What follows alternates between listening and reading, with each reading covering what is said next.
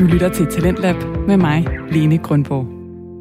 Legendariske replikker fra kærlighedskomedien Den Eneste Ene, improviserede fortællinger og en podcast om at finde formålet med livet.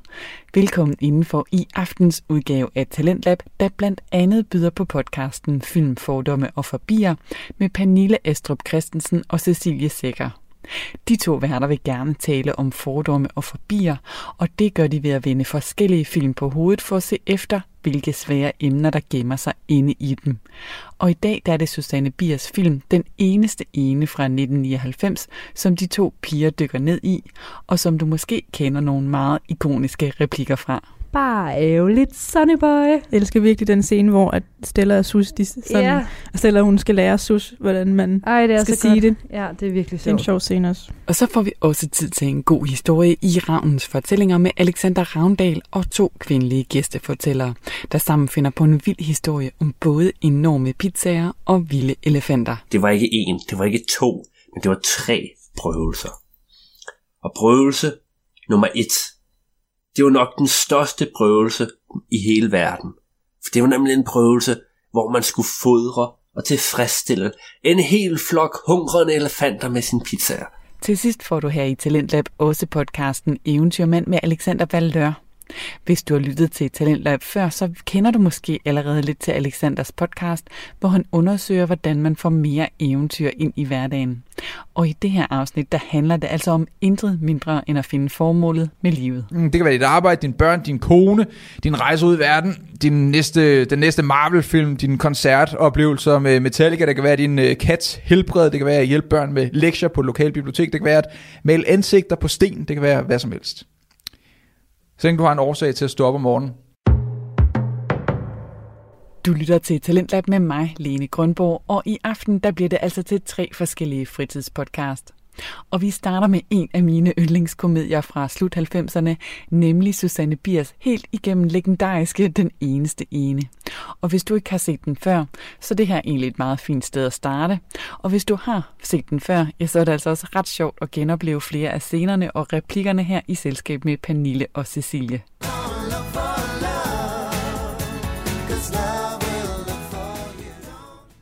Hej. Hej. Og velkommen til femte afsnit Woo! af Film, Fordom og Forbier. Yeah. Det er fredag i dag. Det er det. Det er ikke bare fredag. Det er faktisk uh, Black Friday. Woo! Woo! Det er en crazy dag. Ja. Skal du ud og købe noget, Cecilie? Altså, jeg, det er jo sådan med Black Friday, det er jo ikke Black Friday længere. Nu er det jo Black Weekend, Black Week. Ja.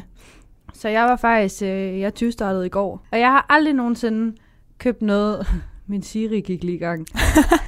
jeg har aldrig nogensinde købt noget på Black Friday, fordi jeg var sådan lidt, åh, jeg vidste ikke lige, hvad jeg manglede, og det er som om, man sådan bliver tvunget til at tage en stilling lige pludselig, og det, det kan jeg ikke sådan lige. Nej. Så, men i går, der købte jeg en kjole. Mm. Mm, jeg glæder mig sygt meget til at komme hjem. Ja, det kan jeg godt forstå. Ja. Har du købt noget? Nej, Har du planer om det? det tror jeg ikke. Mest Nej. fordi jeg ikke kan lige overskue det. Ja. Men jeg har kigget på nogle ting på ASOS faktisk, som jeg godt Ja. kunne finde på at købe i aften. Men jeg tror lige, om jeg skal Har de tilbud? beslutte mig. De har kun 25 procent. Det er ikke så nice. Men øh, Der hvor jeg var, der havde de helt op til 90 procent. hvad var det? Det var det der, jeg ved ikke om du kender det, bare IC. Nej, men det kan være, jeg skulle kigge på det i aften. Ja, det er ret godt. Men der er noget, jeg var inde og kigge på deres Instagram i går. De startede i går kl. 8, og jeg sad også klar, fordi jeg ved bare, at hvor populært det kan være. Mm. Og jeg kiggede på deres Instagram, sådan, der var gået få minutter, så var der allerede 1000 ting, altså der var lagt i en indkøbskurve. 1000, der havde været inde og lægge noget i deres indkøbskurve. Wow, Det er altså ret hurtigt. det er ret imponerende. Men det er ikke det, der skal handle om i dag. Nej, Nej, hvad skal det handle om, Cecilie? du har fødselsdag. Det har jeg. Det skal det også handle om. Tak. Havde du en god dag? ja, det var mega hyggeligt. Ja. Jeg var oppe og besøge min familie Oh, oppe i Nordsjælland. dejligt. Ja, Hvad lavede I? Vi var Christian og jeg, vi var inde og se Tarzan, Ja. altså min kæreste og jeg. Øh, teaterstykket Ja. til forpremiere. Wow, var det, var det med? Ja, Er det rigtigt? jeg tror først, det starter Shit. den 29. Det er i dag. Øhm, Hey. på den ordentlige premiere faktisk. Så, ja. Ja. Wow. Hvad det var, synes du om det? Nogle af set, den sidste del, den synes jeg, de forhastede det mega meget. Okay. Men sådan starten, hold nu fast. Jeg begyndte at græde, tror jeg, de første 10 minutter. Oh. Jeg var bare så rørt over alle de sange, man bare kan genkende. um, ja, det var fedt. Fedt. Mm. Hvad har vi ellers lavet? Du har været til julefrokost, Cecilie. Det har jeg Mm. med stål. Ja. Der du ikke kunne komme. Ja, det var den dag, jeg var inde til Tarzan. det var helt okay. Det var rigtig hyggeligt. Mm. Det var et dejligt arrangement. Ja. Det synes jeg helt bestemt. Det skal du være med til næste år. Det, er, Det skal jeg. det var skide fedt, Ja. synes jeg. Øhm, så det var en succes. Mm. Så er vi snart juleferie. Ja. Vi skal til eksamen nu her. Nå ja. Ja, nå ja. så det, Ej. Det er knap så dejligt. Men Ja. det, Vi skal nok klare den. ja, det tænker jeg. Og nu er vi også snart færdige med øh, første sæson af Ja. Film, Fordom og Forbi og semester og det hele. Ja. Tiden er er gået vildt. hurtigt. Helt vildt. Og det er jo sådan, at vi har jo den her film, øh, afsnit, der kommer ud i dag, og så har mm. vi et juleafsnit. Uh. Uh. Så det, det er fedt. Ja. Det glæder vi os. Og så holder vi en lille juleferie, og så kommer vi stærkt tilbage i januar igen. Ja, det er i hvert fald planen. Ja, det tænker vi. Mm. Men øh, i dag skal det handle om øh, den eneste ene, Ja. den danske film. ja. Der er faktisk ikke nogen, der har gættet det, er der det? Jo, jeg var inde, øh, vi lavede sådan en afstemning Ja. øhm, omkring, hvilken film det var. Og der var der faktisk, der var nogle stykker, der havde sagt øh, midt om natten, Mm. og så var der en enkelt, hvis der havde sagt dronningen. Ja, men øh, der var en del, men vi havde jo også lagt en teaser ud, så Det er rigtigt nok. tror, der er mange, der kender udtrykkene. Mm-hmm. så det hjalp lidt på det. Ja. Men øh, du har jo ikke set den før, det har jeg. Ja. Først og fremmest, hvad synes du om den? Jeg var faktisk rigtig positivt overrasket. Er det rigtigt? Fordi jeg Ja. havde faktisk jeg havde frygtet lidt, at du ikke kunne lide den. Ja, det Ja. er sådan... Når jeg lige tænker på filmen, så tror jeg heller ikke, den vil være noget for mig. Nej. Fordi den bliver meget plad og romantisk, og Ja. det er bare ikke lige mig. Men jeg synes faktisk, den var okay. Okay. Altså i forhold til, hvad jeg havde forventet, Ja, ja. så var den faktisk okay. Fedt. Mm.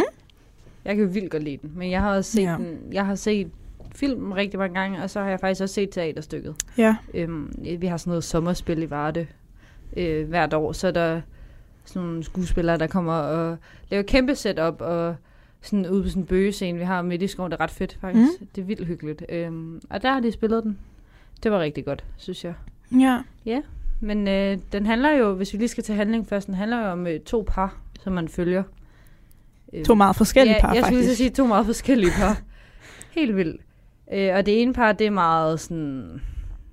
Jeg vil ikke kalde det klassisk, måske sådan kedeligt, må, må man Ja, sige det? Lidt konservativt, Ja, kan man ja. sige det? Ja, det tænker jeg. I hvert fald, hvis I kvinden i forholdet i øh, ægteskabet er meget konservativ. Mm. Lizzie.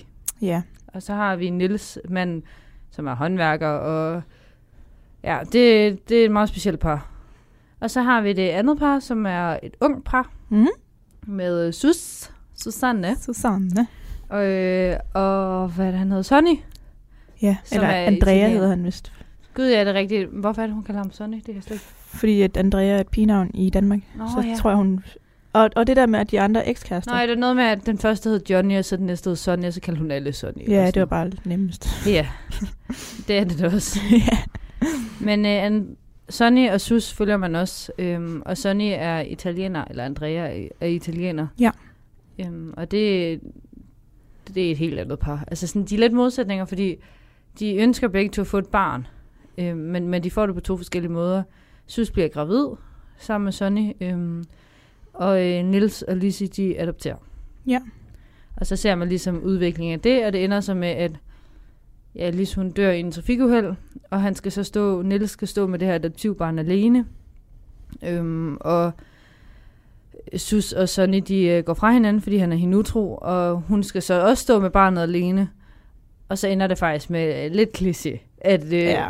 Sus og Niels, de så ender sammen fra de her to par. Og det er jo også, det er jo Sus og Niels, der sådan er lidt hovedpersoner, så man kunne næsten godt regne ud.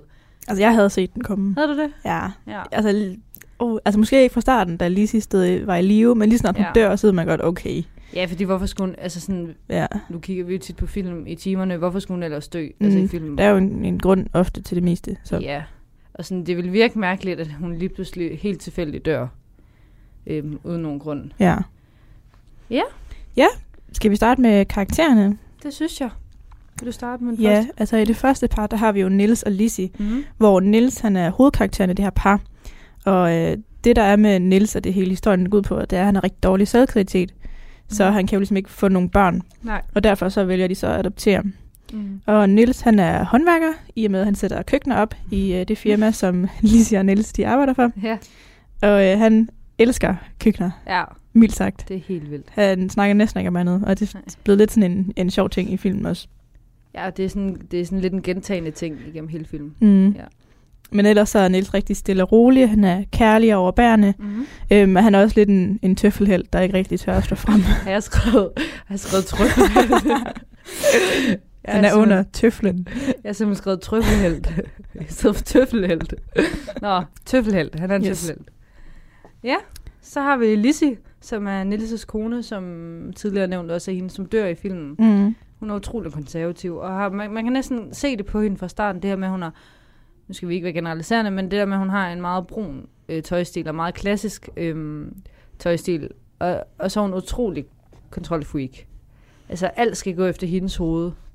Øhm, og hun vil simpelthen ikke, altså, det er som om hun ikke kan acceptere, at, at hvis Niels gør noget mod det, hun lige tænkte, så kan hun slet ikke altså, kontrollere det i sit hoved. Mm-hmm. Det skal ligesom gå efter hendes hoved og næse. Ja, jeg synes, hun var så irriterende at Ja. på. At Jeg blev sådan helt ej, da jeg lå hjemme i min seng og så den. Jeg blev sådan helt, åh oh, mand. Ja, men jeg synes også, hun er, jeg synes også, hun er lidt træls. Men Men ja. jeg tror, det er, fordi hun er så kontrolfreak, og vi, sådan, vi kan jo godt se, at den måde, Niels gør tingene på, det er også helt okay. Altså, Mm. sådan, det er fordi, man selv bliver irriteret over, at han ikke gør noget. Altså, jeg tror, det er ligesom meget det. Ja, men jeg tror også, at det er meningen for filmskaberne, at seeren skal have et lidt negativt øh, Ja. syn på hende. Ja. Så det er okay, at, at hun går hen og dør. Det lyder også, ja, lige præcis, det lyder nemlig lidt hårdt, det der med, at man synes, det er okay, hun dør, men, men det er som om, det bliver fremstillet sådan, at det er faktisk, altså, det er meningen, at det skal ske, og det gør det lidt lettere i hans situation, at han ikke skal til at slå op med en, som egentlig er det, der bliver hentydet til meget længe. Ja. Ja. Ja. Ja, og den næste, det er så det andet par, hvor vi har Sus, eller mm. Susanne. Man vil faktisk kalde Sus hele vejen igennem. Ja, det er først til sidst, man faktisk finder ud af, at hun hedder Susanne. Ja. Ja. Og hun er den kvindelige hovedrolle i filmen. Mm. Og det der er med Sus, det er, at hun får den her krise i livet med, at øh, hun ønsker ikke selv at blive gravid, men Mm. Sonny, hendes mand, vil rigtig, rigtig, rigtig gerne have et barn. Ja. Og hun er rigtig bange for, at Sonny vil forlade hende, hvis nu hun går hen og bliver tyk og får strækmærker og bliver Ja. ja. mindre pæn, synes hun selv, er at blive gravid. Ja. Ja. Øhm, og så, ja, hun går rigtig meget op i det ydre, og hun vil rigtig gerne have, at Sonny elsker hende for hendes Mm. ydre. Ja. Øhm, og hun ender så også med at få sit barn med Nils. Ja. Det er meget hyggeligt. sødt. Så Ja. Nils han ligesom tager sig af Sonnys barn egentlig. Ja, det er lidt sødt, synes Ja. jeg. Lille smule. En lille smule. Og så er der også det her med, at hun ikke kan lide lugten af løg, i og med, at hun er gravid. Og det er sådan en ting, der også kommer igen hele Ja. vejen i filmen. Det er også meget sjovt, fordi det er også noget, der viser, altså det er en identifikation på, at hun er gravid. Mm. Mm. Altså fordi inden det, så ved man det ikke rigtigt. Man får det ikke direkte at vide før senere. Ja. Så har vi Sonny, Andrea. Jeg ved ikke, hvorfor jeg siger det sådan. Det er bare fordi, jeg synes, han snakker lidt sjovt igennem hele filmen. Gør Han er, også. til, han er jo italiener, så en af de ting, der sådan, man kan lægge mærke til i filmen i forhold til hans karakter, det er, at han tit bliver rettet på Asus i hans udtalen af dialekt, øhm, fordi han ikke kan det danske sprog helt, og det er, det er en meget sjov detalje. Øhm, ja, og øh, han er jo sysselmand, som sagt, der går utrolig meget op i sit arbejde, og utrolig meget op i Italien. Mm-hmm. Altså, Mhm. hans hjerte er ligesom i Italien, og ikke rigtig i Danmark. Øhm, og han går også utrolig meget op i det ydre. Rigtig meget. Og går også op i, meget op i andres ydre. Altså, selvom han siger det helt okay, hun bliver gravid, så senere i filmen, der ser man, at han er øh, sus utro. Og det viser også det her med, at han går utrolig meget op i det ydre, fordi som han selv siger, da hun fanger ham i det, jamen hun var smuk og blond, og det er jo ikke rigtig en undskyldning, vel? Men for ham, der synes han, det er okay, fordi hvorfor må han ikke det, når hun er smuk? Mm. Og det giver jo ingen mening. Og så har vi så Susses veninde Stella som Ja. ja. den næste. Hun er sådan lidt den, ja, stereotypen af en, en veninde i en film. Ja, øhm, hun øh, er den her runde, trunde, kan man også godt kalde hende, som øh, går efter et flot efternavn. Mm. Det er sådan hendes hovedmål igennem filmen. Ja, Øhm, men hun kan ikke rigtig finde en mand i sit liv, som kan opnå det her mål for hende. mm. Øhm, og så er hun lidt kikset og sådan lidt dullet, men på ja. en Ja. meget sød måde, synes jeg faktisk. det Hun er synes, meget chill. jeg synes, det er meget hyggeligt, faktisk. Det. Mm. Så har vi til sidst, åh, det er min yndlingskarakter. Han er også kær. Det er øh, Nilses kollega. Jeg ved faktisk ikke, hvad han hedder. Man får ikke rigtig sådan direkte navn at vide, synes jeg ikke. Altså, Tror- han skal, hvad siger du? Han hedder Knud, er jeg ret sikker. Knud? Hedder han ikke det? Åh, det passer bare så godt til ham, synes jeg. Vi kalder ham Knud. Han er sådan, hans karakter er utrolig dum, faktisk. Sådan meget lige til, og lidt den her stereotyp af en drengerøv. Øh, men faktisk så er han en ret stor hjælp i løbet af filmen, og hjælper Niels utrolig meget, især da Lizzie dør omkring øh, Umgarna, som er barnet. Hedder hun ikke Umgarla? Jo, hun hedder hedder ikke Mm, Umgarla. Mm, Gala. Mm, Gala. Det hedder hun. Ja. Det, man skal ikke lave grin ved, at vi ikke kan finde ud af det, i film kan de heller ikke finde ud af at sige det. Altså, det er virkelig også en ting, at de kan finde ud af at sige hendes navn. Men ham og kollegaen Knud, han er sådan lidt, altså man kan sige, at han ser lidt op til Nils øhm, og det er Nils han formår at skabe, og selvom han bliver fremstillet som drengerøv, så ender det også med, at han sådan til sidst egentlig går efter en kvinde, som så er Stella, hvilket er vildt sødt, synes jeg, fordi de to, det passer bare sygt godt sammen. Øh, og en af de kendetegn, der også er ved ham, øh, det er faktisk noget, vi skal til nu, øh, omkring de her sjove udtryk, som bliver brugt, fordi det er også noget, det film kan. Det var en rigtig god ordning. Ja, det der. tak. Du skal jo ikke afslå mig. øh, men det er de her sjove udtryk, som kommer i film, og det er jo også det, der bærer filmen, synes jeg. Ja, altså det er også det, filmen er blevet kendt på. Ja. Fordi det første, du sagde til mig, da vi skulle øh, tage den her film, det var bare alle de udtryk, som var i filmen, og jeg kendte jo ingen af dem. Nej. Jamen, og så snakkede jeg faktisk med Christian, Ja, fordi han har set det, som den mange gange. Ja, ja. ja, han har set den mange gange også, og han kunne også alle udtrykkene. Ja, bare sådan, nå okay, jamen, Det er vildt fedt, og da jeg så teaterstykket, der var det også dem, de brugte. Altså, normalt, så behøver man jo ikke tage de samme replikker som film, når man laver teaterstykke, men, men det gjorde det, og jeg synes, det var vildt fedt. mm. Ja, jeg kunne vildt godt lide det. Okay, vil du have den første? nej. Jeg synes, du Åh. skal lov til at tage dem. Dem alle sammen? Ja. Okay, Nej, det kan jeg godt. Ah, Det- den med lutebrækken, den synes jeg er sjov. Ja, det er rigtigt.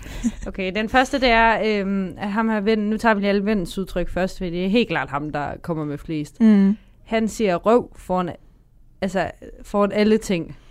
Men Det er som om han sådan, altså alt han siger, det gør det ligesom mindre hårdt, han siger, du er røv irriterende. For eksempel siger han til Lizzie, hun er røvtræls. Altså sådan, Mm. det er som om, det gør det bare sådan lidt mindre kompliceret.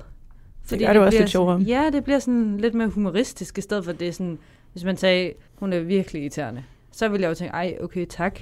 Men fordi han siger, at du er røv irriterende, så tænker man, okay, det er meget sjovt. Mm.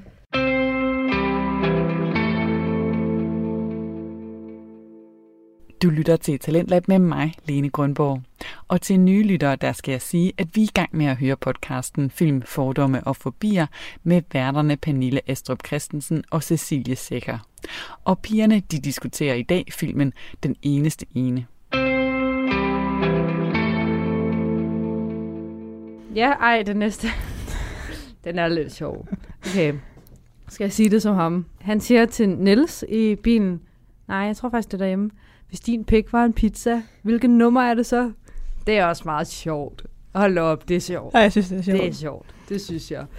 De kan ikke sige noget, lytterne nu, så vi kan bare sige, det er sjovt. Ej, og den næste, åh, det er også en af mine yndlings. Øh, I filmen, der kommer hende her, hvad er hun? Hun kommer fra kontoret omkring øh, de her adoptivbørn. Ja, hun er vel altså, hende, der skal sørge for, at adoptionen går ordentligt igennem. Og ja, at, og det er hende, der er ude at tjekke. ja. Og da hun finder ud af, at Nils bor alene nu, der er hun ikke helt med på, at han skal have Umgarla længere, fordi at det ligesom var Lizzie, der trak dem hen i den rigtige retning.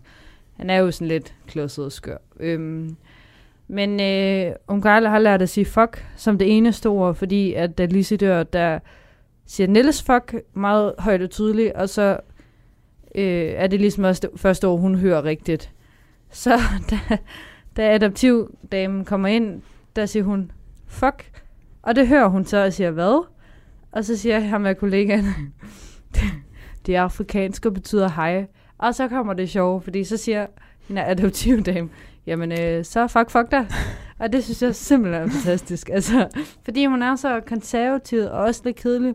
Minder mig om Lizzie faktisk. Mm. Og sådan skal fremstå som meget sådan, altså regelmæssigt korrekt. Og så er det bare fedt, at hun står og siger, så fuck, fuck dig. Men det er også fordi, at Hella Juf, hun virkelig formår at sige det på en sjov måde. Ja, fordi det er ikke bare fuck, fuck dig. Det er sådan, så fuck, fuck dig. Ja.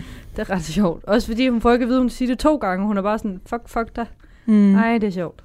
Vil du have den næste? Den kan du godt lide. Ja, ej, det er virkelig den sjoveste, synes jeg. Den er også god.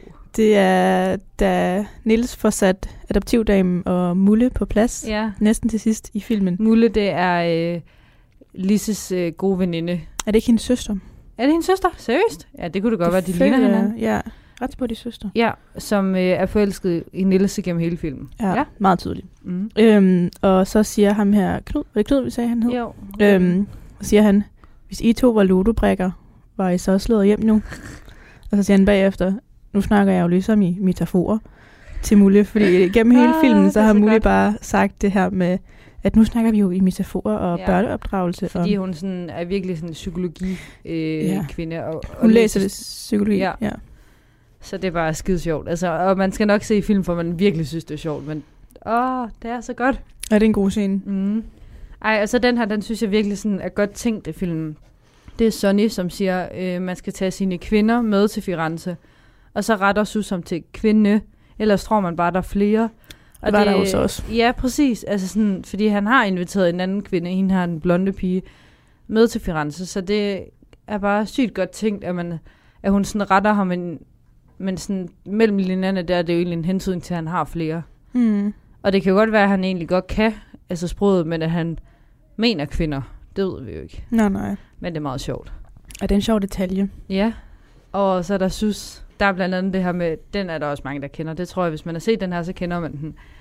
Det er, når øh, Sonny har været hende utro, og så kommer han og vil hente sine ting og prøve at få hende tilbage, så hun sådan, bare ærgerligt, Sonny boy. Jeg elsker virkelig den scene, hvor at Stella og Sus, de sådan, ja. og Stella hun skal lære Sus, hvordan man Ej, det er skal så sige godt. det. Ja, det er virkelig Det er en sjovt. sjov scene også. Skal vi... Og så er der Mulle. Ja, Syv år, Niels. gennem hele filmen, så er hun bare sådan, syv år. Nej, det er så sjovt. Altså sådan, den er virkelig god. Og den kan jeg jo sådan snakke vi virkelig også meget om, da vi havde set teaterstykket, fordi den var bare så tydelig. Mm. Nej, det er virkelig sjovt. Men det er fordi, hun har læst psykologi i syv år. Ja. så er der... Ej, Hella, det er den Hella sidste Jufs. der.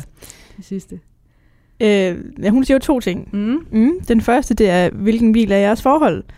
Den synes jeg var ret sjov, faktisk. Ja. Jeg spurgte også dig, hvilken film. Der er det din skal jeg kærestesforhold. overhovedet ikke komme ind på, fordi jeg tænkte slet ikke så meget over det. Jeg var bare sådan, Nå, hvilken bil kan Henrik godt lide? Nå, han kan godt lide Tesla. Ej, de kører også hurtigt. Ej, vi er også et stærkt forhold. De er også stærke. Vi er en Tesla, vi er miljørigtige. jeg, tænkte ikke, jeg tænkte overhovedet ikke over det. Så blev jeg sådan lidt, okay, en Tesla. Af alle biler, jeg kunne sige. Det er måske ikke... Der er ikke Det er da meget sej. Ja, de er meget... Ja, vi er et sejt forhold. Og hvad var det, I var? Øhm, vi sagde, at vi var en Rolls Royce, Det var mega godt hvis jeg tænkt. siger det rigtigt. Det var vildt godt Fordi at de er mega sådan, det er sådan en cool bil, men den er også mega sådan stille og rolig. Ja. Fordi Christian og jeg, vi er bare de mest chill mennesker i hele verden. Ej, det er virkelig godt tænkt. Men mig og Henrik, vi er måske også meget sådan, der er fart over feltet hele tiden. Ja, virkelig. Du har altid gang i eller anden. Så jeg kan ikke lide at være så stille. Så det passer måske meget godt, at vi sådan, og han har også altid gang i et eller andet. Så Mm. ja. Og det andet, øh, som øh, Hella Juf, hun siger, det er, hvilket dyr er jeres seksuelle omgang? Og vi går videre til tid. det behøver vi ikke snakke om. Men det er meget sjovt. Altså, det er meget sjovt sagt. Ja, Ja, men det er også meget sjovt, Nils kommentar. At de, hvordan Nå siger. ja, ej, det er så sjovt, at han så siger Niels, at øh, de er et marsvin. Ja. Og så sådan, altså nu er der ikke nogen dyr, der er forkerte, men et marsvin. Og da han så kommer hjem, så er han sådan til Lizzie, for Lizzie spørger, hvilke dyr var vi så? Og hun, hun siger det på sådan en god måde. Mm. Og så er han sådan, zoologisk have. Nogle gange er vi vilde, andre gange er vi stille og rolige. Ej, det var så godt sagt. Ja, ja. okay. Skal vi uh, tage lidt tid, inden vi går videre til nogle fordomme? ja, Mm. det er i forhold til tiden, fordi at det er jo en 90'er film faktisk. Ja. Og der var nogle ting i filmen, som vi lagde mærke til, som mm. er forskellige i forhold til dengang og nu. Helt klart. Og en af tingene var, at Stella, øh, hun nævner til Sus, at Sus, hun skal lege en film, mm. Og hygge sig rigtig meget med den, og spise noget lækker mad. Hvor at i dag, der, jo, man kan godt lege en film på Men ville Blockbuster over sige, at nettet. man skulle finde en film på Netflix. Ja, eller gå ind og streame en. Ja, det ville man. Det ja, synes jeg var lidt sjovt. Øhm, og så også stilen, der er i de begge husene. Altså Ja. det ene hus, Lizzie og Nilses hus, det ligner jo altså noget fra et 90'er katalog. Mm. Og det andet, det er jo også lidt mere moderne, men stadig også bare 90'er. Ja, det er rigtigt. Virkelig. Også den, de der brune farver, Mm. det er ret tydeligt. Så også deres tøjstil. Altså det her med, at de, de går sådan i, i skovmandsskjorter og sådan de der halvstramme, du kender de der halvstramme nederdel, som ikke er helt stramme, men heller ikke helt løse. Mm. Altså, de, de er meget tydelige. Og De der Stella sådan lyserøde puffærmer. Åh, oh, det var det bedste. Jeg elsker det. Altså, Jeg tror, du skal skrive til hende, hvad det er, Ja. hvor hun har købt den. hej. Hey, hvor har du købt den trøje hen? Ej, det er cute. Nå, skal vi springe direkte videre til fordomme? Hvad tænker du? Ja, det kan vi godt. Ja. Jamen, der har vi jo blandt andet nogle... Øh, det er lidt interessant, for jeg synes faktisk, der var ret mange i øh, Ja. den her. Ja. Vi vil starte med nogle kulturforskelle. Øhm, i, der er nogle fordomme omkring nogle kulturforskelle i film, især mellem det her italienske og, og det danske. Der er blandt andet det her med, i forhold til kulturforskelle, at Sonny han mener godt, man kan have flere kvinder. Og det er jo måske i forhold til den italienske kultur, at nu har jeg ikke læst op på det, men i filmen antager de det som om, at det må man gerne. Øh, og det ses ikke som noget etisk korrekt i Danmark. Så der er ligesom en kæmpe forskel, som også ligesom går ind og bryder deres forhold, fordi at det kan synes overhovedet ikke forstå, at han vil, og prøve at forklare hende, at sådan er det altså ikke, men for ham kan han ikke forstå det, fordi som jeg sagde tidligere, at hun var jo smuk. Altså, så Ja, og også det med, at en kvinde skal være en kvinde. ja, At, altså, de må ikke sige for meget i forhold til Sonny og sådan nej. Lidt ligesom det, vi snakker om i Aladdin Ja, med feminisme. det er rigtigt. Ja, Og så er der jo det her med Lizzie, som også er noget, der, det, der irriterer mig en lille smule. ja. At hun mener, ja, hun mener, at man bare kan lave om på det her barn, de får fødselsdag, ja. og de kan bare lave navnet om, hvis de synes det, og altså fordi de overtager det her barn. Hun ser det lidt mere som sin egen del. Ja, Hvor Niels han er meget sådan, du kan jo ikke bare ændre, hvad et barn hedder, eller du kan jo ikke bare ændre dens fødselsdag. nej, og det altså, synes jeg er virkelig fedt, at han har Mhm. det sådan. Jeg blev faktisk lidt forarvet, da jeg så den, og var sådan, hvad skal hun hedde? Ja. Og, altså, Ja, og det tror jeg igen, hvis vi lige skal vende tilbage til tid. Altså det tror jeg måske også på grund af tiden. At i 90'erne var det måske større tilbøjelse, at det var meget normalt. Men i 2019 ville man jo aldrig kunne finde på det, fordi vi taler så meget om sådan noget med kultur, og det der med, sådan, at man skal være sin egen, og man må ikke lave om på folk. Ja. mm, Ja, så har vi i forhold til det her øh, fordomme til danskhed. Hed, danskhed. mm, Der er blandt andet det her med, at, øh, at man ikke må være racistisk. Altså det her med, at man må ikke, øh, Lise igen, øh, mener ikke, man må købe en næredukke, fordi det er racistisk over for hende.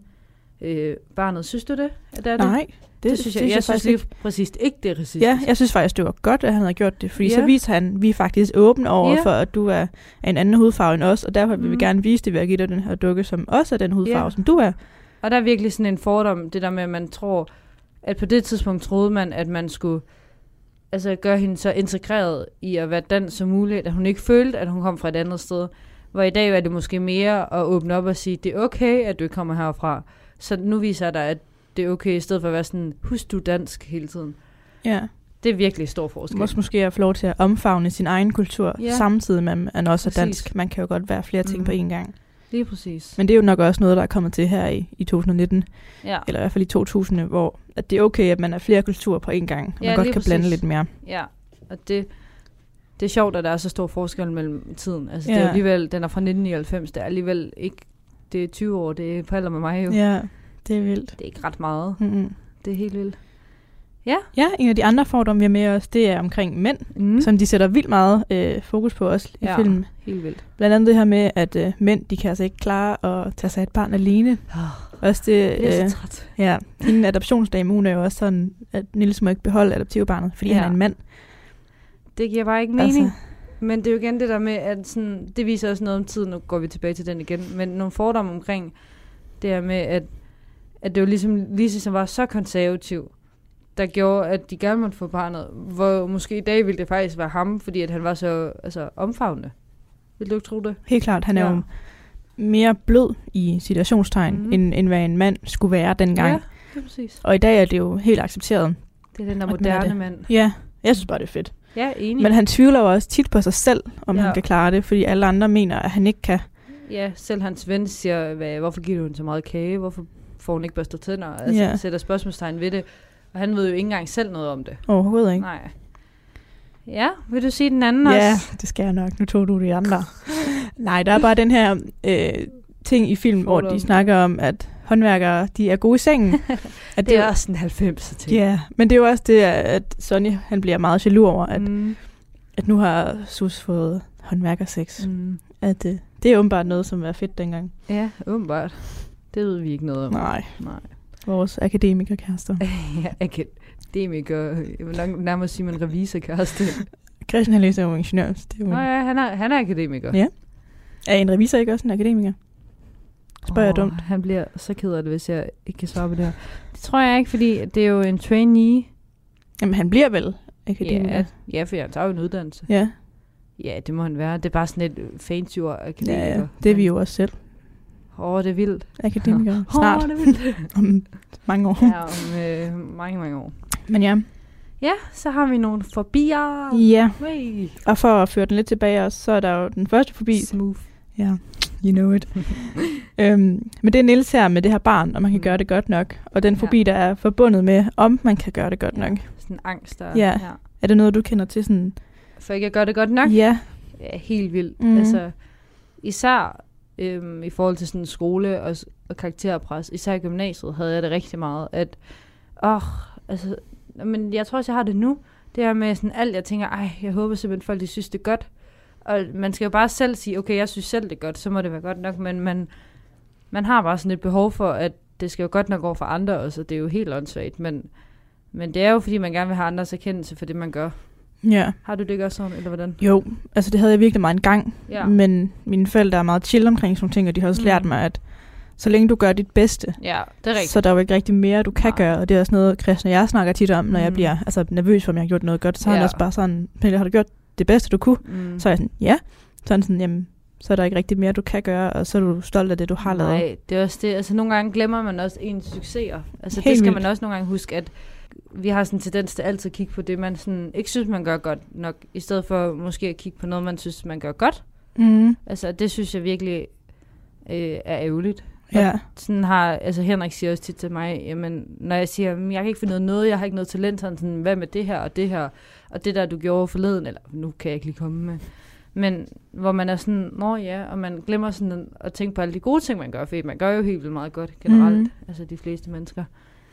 Så det skal man, og det er jo det samme med Niels, til at vende tilbage til filmen, at han jo heller ikke føler, at han gør det godt nok, men egentlig så gør han det jo. Men det er fordi, han ikke bliver bekræftet af andre. ja, og den anden fobi, vi har, eller angst, det er den her angst, der godt kan være for at være ærlig. Mm. I og med, at uh, Niels han ikke tør at sige, at han måske ikke er forelsket eller elsker Lizzie mere. Mm. Øhm, og han nævner det også før hendes død, men så bliver det jo lidt mere virkeligt, når hun så er død, og han faktisk indrømmer det over for ham vennen, at Ja. han måske ikke elsker hende mere. Kender du til det? Angsten for at være ærlig? Det er et godt spørgsmål. Ikke noget, jeg sådan Nej. oplever, synes jeg, dagligt. Okay. Ikke rigtig, nej. Nej. Jeg synes, altså, oftest kommer der jo det bedste ud af at være ærlig. Ja, det har du ret i. Men jeg kan selvfølgelig godt følge ham i det. det er, især når det er sådan noget svært noget, som at elske en person. Jeg tror, jeg sådan... Jeg tror virkelig, jeg har svært ved ikke at være ærlig. Fordi at man kan virkelig mærke det på mig, hvis der er noget, jeg holder inde. Og jeg kan ikke rigtig holde inde, især ikke for personer, jeg sådan har nær. For eksempel min kæreste, altså jeg, og mine forældre og jeg og så videre. Altså jeg kan virkelig ikke holde det inde, hvis der er noget. Jeg bliver nødt til at komme ud med det. Og jeg har det også bedst med det, fordi jeg gider heller ikke gå rundt og holde det inde. Og nu er det jo ikke så tit, der er noget, men hvis der er, jeg synes bare, det er rart at få det sagt, fordi altså, så kan man reagere, som man vil, og mange gange så går det godt. Altså det er dårligt, at man holder det inde, og så, eller man kan jo se i den her, der får filmen det til at fremstå, at hun dør, og så ordner det sig hele, men i virkeligheden vil det jo være et kæmpe problem for ham. Altså det er også det her med troværdighed i film, at han, altså sådan, han er jo lidt, okay, det kommer til at lyde hårdt, men han er jo lidt held i uheld, at hun dør, fordi at han jo egentlig gerne vil have en anden, så er det lidt en let løsning for ham, men det lyder helt absurd. Mange SDU-logoer vil du give filmen? Mellem 3 og 4. Ja, Hvad med dig? mm, nok en træer. Mm. Ja. Jeg synes, det er lidt for meget at give den en 4, fordi der er alligevel nogle ting, og jeg tror også, det er, fordi kvaliteten er ikke så god. Som Jeg synes faktisk, at den var godt instrueret og godt Ja, sådan, ja. klippet og lavet. Det er også det, der sådan, hiver den lidt op. Mm. Men sådan selve plotline og historien mm. var jeg måske ikke den største fan af. Der tror jeg, jeg havde det lidt omvendt faktisk, at jeg synes, ideen er ret god, men jeg synes bare, altså sådan, det er jo en 90'er film, så det er der også nogle tegn på. Og, og der er måske nogle ting, jeg synes, der er lidt utroværdigt, fordi at den er lidt ældre. Ja. Men Ja. øh, så må vi slutte af med at sige, at vi har en Instagram, Ja, og vi vil gerne have nogle flere følgere. Jeg kunne lige se, at vi har fået lidt flere. det er dejligt. Ja, vi vil gerne have endnu flere. Der sker Ja. en masse sjovt derinde. Vi øh, vil faktisk lave en afstemning her lige om lidt, ikke? Mm. Om øh, hvilken julefilm vi skal snakke om her Ja. i år. Fordi næste gang, det er jo en julefilm, men vi har ikke Uh. helt besluttet os endnu, hvilken film det er. Nej. Så jeg tænker, at øh, der på Instagram Ej, skal kommer vi ikke en afstemning. pebernødder med og sådan noget næste Åh. gang? Det er juleafslutning. Ja. Nej, vi skal da Og hygge. varm kakao. Vi har Ja. en elkedel herude. Nej, det skal vi Det da. gør vi. I må gerne hygge med os. Ja. Ja. Yeah. Woo! Hygge. Ej, det bliver så hyggeligt. Jeg glæder mig. Også mig. Jeg glæder mig virkelig til, at vi skal se filmen også. Mm. Uh. Og det bliver dejligt, men mm. I må meget gerne stemme derinde, så vi kan... Og hvis I hører den her i dag, så kan I jo gå ind med det samme. Yeah. Så det må I meget gerne, og så har vi jo også Facebook, hvor man kan Ja. følge med. Og inde på Ståls Facebook kan man også følge med, og der er også Instagram. Jo, Der er blandt andet kommet noget fra julefrokost, hvis man kunne tænke sig at se, hvordan det var. Det er nogle gode billeder af dig. Det er det ikke, nej. Og heller ikke videoen. Har du set i videoen, jeg har lavet sådan, Mm. vi lavede sådan en uh, date med nøgen scene. Det er ret sjovt. Altså gå ind og tjek det ud, det er fedt nok. Det er sjovt. Ja. Jeg er lidt ked af, at jeg ikke var med. Det kan jeg godt forstå. Det kan du komme næste år. Yeah. Ja. Yeah. Tak for i dag, Pernille. Det var Tak hyggeligt. for i dag, Cecilie. Det været så hyggeligt. Ja. Så må vi sige hej hej. Hej, god weekend. God weekend.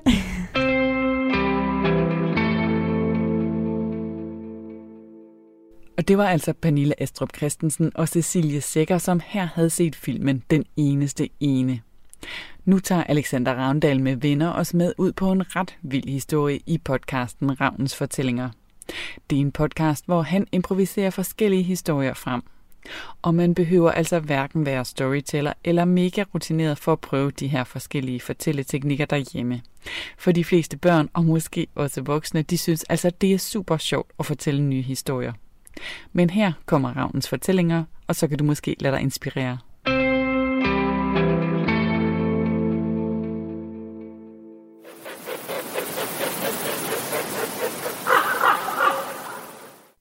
Goddag alle sammen, og velkommen tilbage til Ravnens Fortællinger. Det er den første episode efter sommerferien. Woo! Og som I måske kunne høre der, så er det ikke mig, der har fået to ekstra stemmer. Nej, vi er tre personer i studiet. Vi er Amalie, Hej. og vi er Liv, Goddag, goddag. og så er vi også, altså mig Alexander. He- Hej, hej. Du skal ikke grine af mig, mand. Hallo. Men, øh, nå, ja. Og i dag, der skal vi have en helt særlig episode. Fordi det, vi skal lave, det er en faret vild historie. Ligesom den liv og jeg har lavet mange gange. Men nu med tre personer. Og til jer, der ikke har hørt en faret vild historie før, så er konceptet, at vi sammen skal prøve at fortælle en mere eller mindre sammenhængende historie, hvor vi skiftes til at fortælle videre på den. Og vi indikerer, når vi gerne vil tage over med hver vores lyd. Liv, hvad er din lyd? Det er den her. Super. Maja, hvad er din lyd? Super. Og min, det er noget af den her stil. Er I klar? Jeg er klar. Okay. Så lad os gå i gang.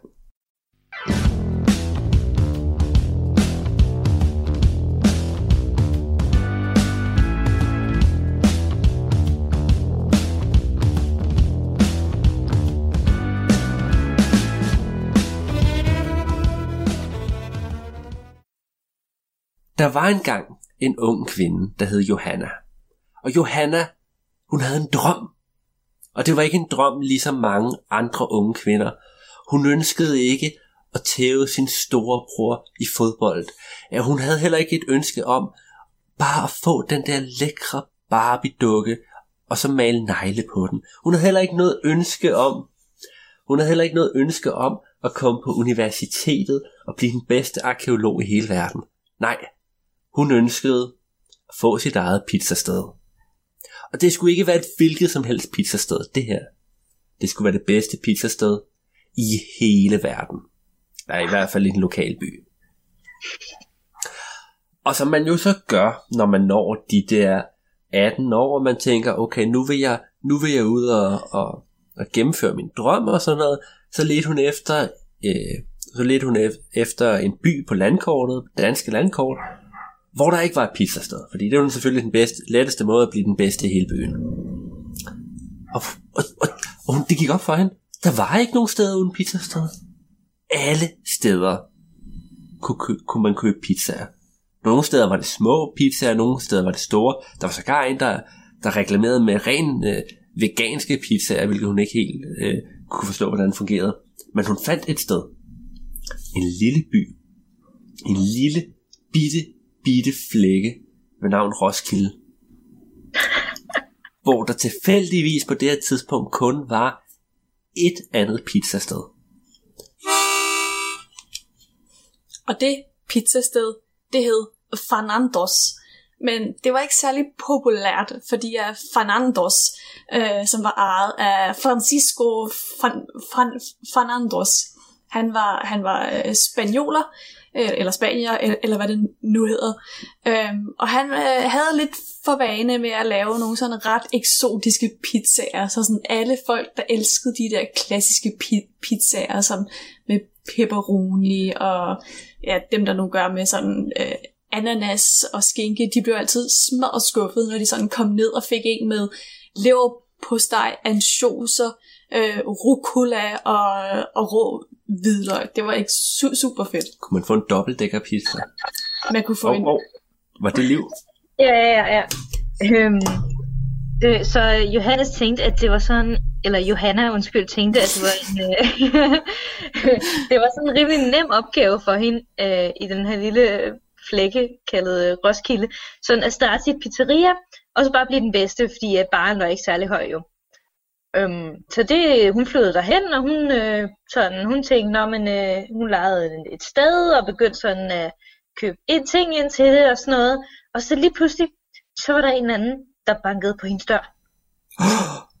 Det var lige godt pokkers. Så hun gik ud og åbnede sig, ja, vel, velkommen til, og hvad kan jeg hjælpe mig? Vi har så ikke helt åbnet endnu. Og der stod sådan en lille mand, der havde øh, altså, øh, sådan lige nogle øh, briller lidt sat på næsen, og stirrede meget mistroisk på hende, og sådan, undskyld mig, hvad, øh, hvad har de gang i, unge dame? Hun sagde, det er bare, jeg er ved at åbne et pizzeria her i byen. Jeg tænkte, I godt kunne bruge mere end et, og et, der måske ikke indeholder øh, leverpostej på ens pizza. øhm, hvor den gamle mand var sådan, ja, men det er fint, det er fint. Men altså, øh, har du nu også gået igennem prøverne? Oh, Og, øh, oh. Johanne, hun var sådan, prøver? Altså, det var da en prøvelse nok at finde den her lille flækkeby, øh, Roskilde, og øh, overhovedet kommer hen og finde et lokale og sådan noget. Hvad snakker du om prøver? Ja, man kan ikke bare åbne et pizzeria, sagde den gamle mand. Det er ikke helt så nemt. Ja, tak. Og det han sagde derefter, det rystede Johanna i sin, hendes grundvold.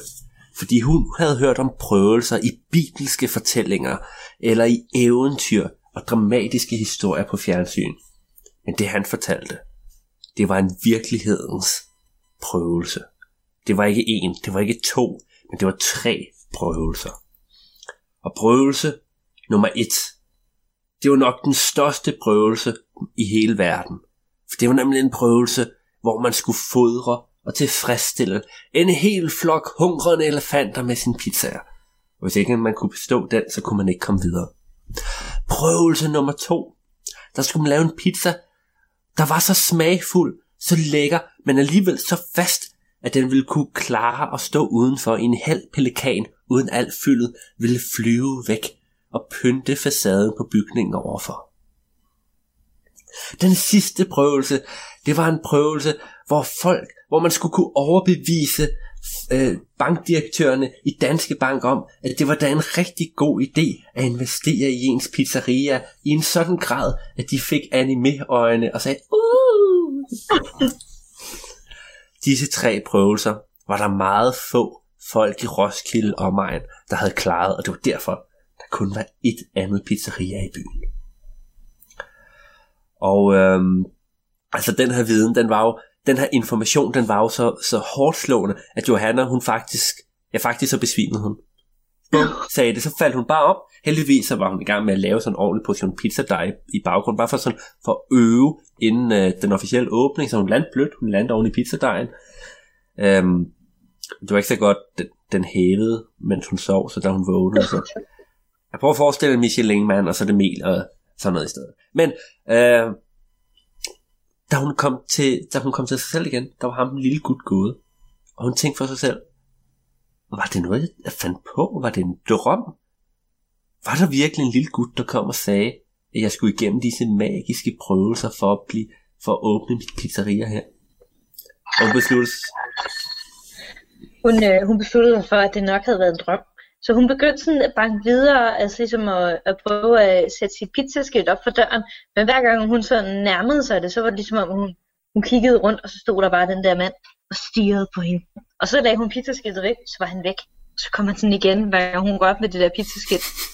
Og han, hun vidste ikke helt, hvad han havde tænkt sig at gøre, hvis hun ikke opfyldte de her prøver, men hun turde ikke tage chancen, for han virkede ærligt talt en anelse mærkelig. Øhm, så hun tænkte, jamen der er ikke andet for. Øh, jeg er nødt til at finde en flok elefanter. Så øh, det kan man øh, godt nok ikke finde i Roskilde, i den her lille flække. Så øh, hun investerede en masse penge i en flybillet, og tog til, øh, tog til Afrika, nærmere bestemt til, øh, og pokker tog hun hen, hun tog vel til Ghana, Åh, for For, søren. at finde, for der er elefanter, ikke? Håber jeg. For at finde nogle elefanter. Jeg vil ikke udtale mig, så det, så det hele er på dig, hvis det er forkert sagt. Super. Jamen, øh, ellers må vi importere nogle elefanter til Ghana. Ja, Øhm, det kan vi jo gøre for Knuttenborg Safari-parken. ja, ja, det synes jeg, det gør vi bare. In the dead of night. Nå, men øh, i hvert fald, så tog hun øh, til Ghana, bare lige for hun brændte virkelig for det her pizzeria. Ikke? Altså man kunne sige, hun kunne prøve øh, en anden by, eller starte et andet, øh, et eller andet, i stedet for pizzeria, måske et bageri, men øh, nej, hun var meget sådan, men det skulle være pizzeria. Ja. Så øh, hun tog til Afrika, til Ghana, og øh, så ledte hun efter elefanter. Og så var hun så heldig, at hun stødte på nogen, som der stod og græssede ude på savannen. De, ja, og de Altså stod... elefanter. Ja. Nå, okay. og de... Øh, og elefanter spiser sgu da græs og øh, træ, Ja, ja, ja, træ, ja. blade på træer. Jeg havde bare et billede af en person, der stod med hovedet ned i græs. Nej, nej. Ja, undskyld. Øh, det var en, øh, det var en øh, elefant, øh, eller flere. Øhm, og hun gik så øh, hen til dem. Øh, hun var ikke specielt god til sådan øh, dyr, så hun tænkte, at hun bare godt kunne jogge op til dem, som de var. Øh, og som hun, hun var. Øh, og, øh, og hun havde så taget nogle af sine øh, pizzaer med i sin rygsæk, i sin øh, pizzabuds ryg, rygsæk. Og den store hanne elefant så lige på hende og blev rimelig sur og begyndte at sådan at flappe med ørerne og sådan noget. Og hun blev bange, men hun blev stående. Men så pludselig så, lø- så løftede han snablen, Uh, og så kunne han dufte en rigtig lækker pizza. Og hun havde selvfølgelig lavet en sådan øh, elephant øh, special med sådan øh, lidt græs og lidt øh, blade og nogle kviste og sådan noget. oh, oh, jeg har et spørgsmål. Mm. Hvordan fik hun den igennem security? Øh, fordi at... Øh, ja, fordi at security var en smule øh, sloppet. De, øh, de havde haft øh, firmafest aften før, så de var to totalt bagstive dem alle sammen. Perfekt. Så det lykkedes hende at spule dem øh, igennem. Men øh, elefanten kunne dufte de der pizzaer, og da hun tog dem ud til dem, så snusede de med deres snabler først. Hun kunne dufte den dejlige, øh, den dejlige sprøde øh, crust. Og så løb de alle, alle sammen hen og gav sig i kast med at spise de, de, de dejlige pi- pizzaer. Det, der så skete derefter, det var intet mindre end magisk. Fordi den gamle hundelefant, som ledede flokken, mens han var i gang med at spise, og alle de yngre hunder var i gang og alt sådan noget, så vendte hun sig, og så gik hun skridt for skridt hen til Johanna. Og Johanna, hun synes ikke, det virkede som om elefanten var specielt troende. Den havde i hvert fald ikke det der øreflip, som den havde. Uh, så den, den kom derhen, og så lagde den snablen oven på hendes hoved. Og det var som det mest rolige og behagelige klap, hun nogensinde havde fået. Og så vidste hun, at hun havde bestået første prøve. Og så gik hun tilbage. Jeg har lige et spørgsmål. Yes, øh, havde hun så taget sådan en, øh, sådan en kontrakt med, som ele- elefanterne skulle underskrive på, at de havde smagt hendes øh, ja, ja, pizza? det havde hun. Men fordi det var elefant, altså fordi det var elefanter, så skulle det også være en elefantstørrelse kontrakt. Så det var faktisk sådan et uh, helt guldtab, hun havde taget med. Og så skulle de sådan lave en mudderaftryk af deres fødder på. Klask! Um, det var til gengæld lidt svært at få med tilbage i flyet, fordi den kunne ikke være nede i håndbagagen. Um, så hun rullede den, og hun var nødt til at binde den. Det var en meget lang historie, og den kan vi komme til en anden dag, hvis det er. Men kort lang er, at da hun var kommet forbi Kastrup Lufthavn, hvor de igen åbenbart havde haft party, party jeg ved ikke, hvad, der sker for dem derude, så øh, tog hun til Roskilde med sin kontrakt og gemte den inde i øh, pizzeriet. Det er det, det hedder. Ikke et pizzasted, som jeg sagde hele tiden i starten. Nej, nej. Og, og så gik hun og tænkte på, okay, hvordan, hvordan skal jeg klare næste opgave? Jeg skal lave en pizza. Lave en pizza, som kan stå i en halv pelikan. Øhm, og hun, hun tænkte også lidt sådan på ordvalget her, for hun tænkte, det var ikke, manden sagde jo ikke, at den skulle kunne stå i noget, der stormer en halv pelikan. sagde jo en halv pelikan. Men hun havde da alligevel lidt skidt med, altså, hvor skal man finde en halv pelikan henne? Ikke? Hun ville sørge ikke dræbe en pelikan. Det synes hun måske var sådan lidt øh, stramt. Så hun tænkte, mm, men altså, okay, så jeg skal ud fra, at det er fordi, det skal storme en halv pelikan. Hvordan får vi det til at storme først og fremmest? Og hvordan får jeg lavet en pizza, der ikke vælter og ikke bliver for dårlig og sådan noget? Øhm, så hun tænkte over, okay, okay, jeg skal finde noget mad, der kan klare hvad som helst i alt slags vejr, øhm, og så kan jeg bare sådan putte det ned i noget cement, eller en eller anden boks, og så kan det stå der. En cement, jamen, man skal også kunne spise det, skal man ikke? Jo, jo, men det kommer, det kommer. Altså en Okay. okay. halvdelen af det, ikke? Du ved, hvis det var højkant, ikke? Ah, Så står den der, inden du skærer den ud. Øhm, så hun tænkte, hvordan finder jeg ud af, hvordan jeg laver mad, sådan virkelig, øh, altså kan tåle alting. Øhm, og så tænkte hun på McDonald's, og alle de her bøger, man altid får, som øh, holder til alting. øhm, så hun tænkte, jeg må simpelthen finde den magiske opskrift til at lave en McDonald's pizza. Så hun skyndte sig op på hovedkvarteret for McDonald's, som ligger øh, et eller andet sted øh, i USA, vil jeg gå ud fra. hun har fløjet meget Løb hun? rundt omkring. Nå, okay. Ja, hun, hun tog flyet. Altså, de synes måske, det var lidt mærkeligt. Og da hun stod hen ved McDonald's hovedkvarter, så bankede hun på døren. Sådan, øh, sådan, hallo, hallo, øh, jeg vil gerne komme ind, jeg skal bare lige, øh, jeg skal bare lige snakke med nogen, hallo, hallo, hallo. Så var der sådan en vagt, der åbnede døren på halvt. Og det, altså, han lignede, han lignede alle ansatte i McDonald's. Han havde sådan en fjollet hat på, og han var tydeligvis teenager. Ja, sådan, hej, jeg skal bare lige, smæk, sagde det, så var døren lukket igen. Ah, så på. Bang, bang, bang, bang, bang. Så åbnede ham der igen. Han havde en kæmpe bums på næsen. Ja, jeg, jeg skulle bare lige op og snakke med smæk, sagde døren igen. Og nu gad Johanna ikke mere. Så hun kaldte, hun, hun tog sin telefon op og lagde lommen og ringede til sine gode venner, øh, elefanterne i Ghana. Og så tog de flyet hen til, til, til øh, McDonald's hovedkvarter, og så hoppede hun op på elefanthunden, der havde givet hende et klap på hovedet. Og så gik elefanthunden hen og bankede på døren, og det var ikke sådan klap, klap, klap. Det var sådan, boom, boom, boom. Og ham der, den ansatte, han åbnede øh, døren igen, og han havde sådan virkelig tomt zombie-blik. Han var sådan, ja, hvad sker der? Ja. Og så truttede elefanten bare lige hovedet på ham, og han blev blæst. Blæst baglæns. Og Johanna, hun hoppede ned fra elefanten og siger, hør her, unge mand, jeg ved simpelthen ikke, hvordan altså, du kan være direktør for det her firma. Men nu siger jeg lige en ting. Jeg vil åbne pizzeria. Jeg skal bruge en pizza, der kan, der har ligesom samme øh, form for, øh, hvad hedder det, øhm, sådan, øh, den kan ligesom tage imod alting, ikke? I alt slags vejr og sådan noget. Og det tænker jeg, at du skal give mig opskriften på. Og den der teenage-dreng, han var sådan, jeg ved ikke helt, jeg, jeg, jeg, jeg, jeg, måske, jeg vil have min mor. Og han var, hun var sådan, nu holder du simpelthen op. Giv mig bare den opskrift, ellers så øh, henter jeg flere elefanter. Han var sådan, okay, okay. Øhm, og han skyndte sig op og sådan helt fortumlet og prøvede sådan at samle sig sammen. Øh, og gik hen til en skuffe, hvor der lå en masse andre ting, og åbnede den. Og i den lå der ligesom en anden en kasse, og der åbnede han også og lå der en anden kasse. Sidst kom han ind, ligesom de der russiske dukker, ikke? kom han ind sådan helt med efterlag, ind til sådan en lille stykke foldet papir, hvor der bare, øh, og han gav det sådan til en sådan her, det, det er derfor, at de sådan holder til alting. Han kiggede på det, Og det der stod, det blev hun meget chokeret over. Oh, hvad var det? Hvad var det? Der stod nemlig bare et eneste ord.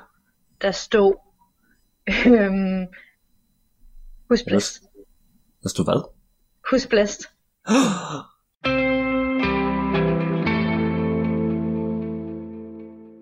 Jeg sætter kort Ravnens fortællinger på pause her, fordi vi skal have nyhederne.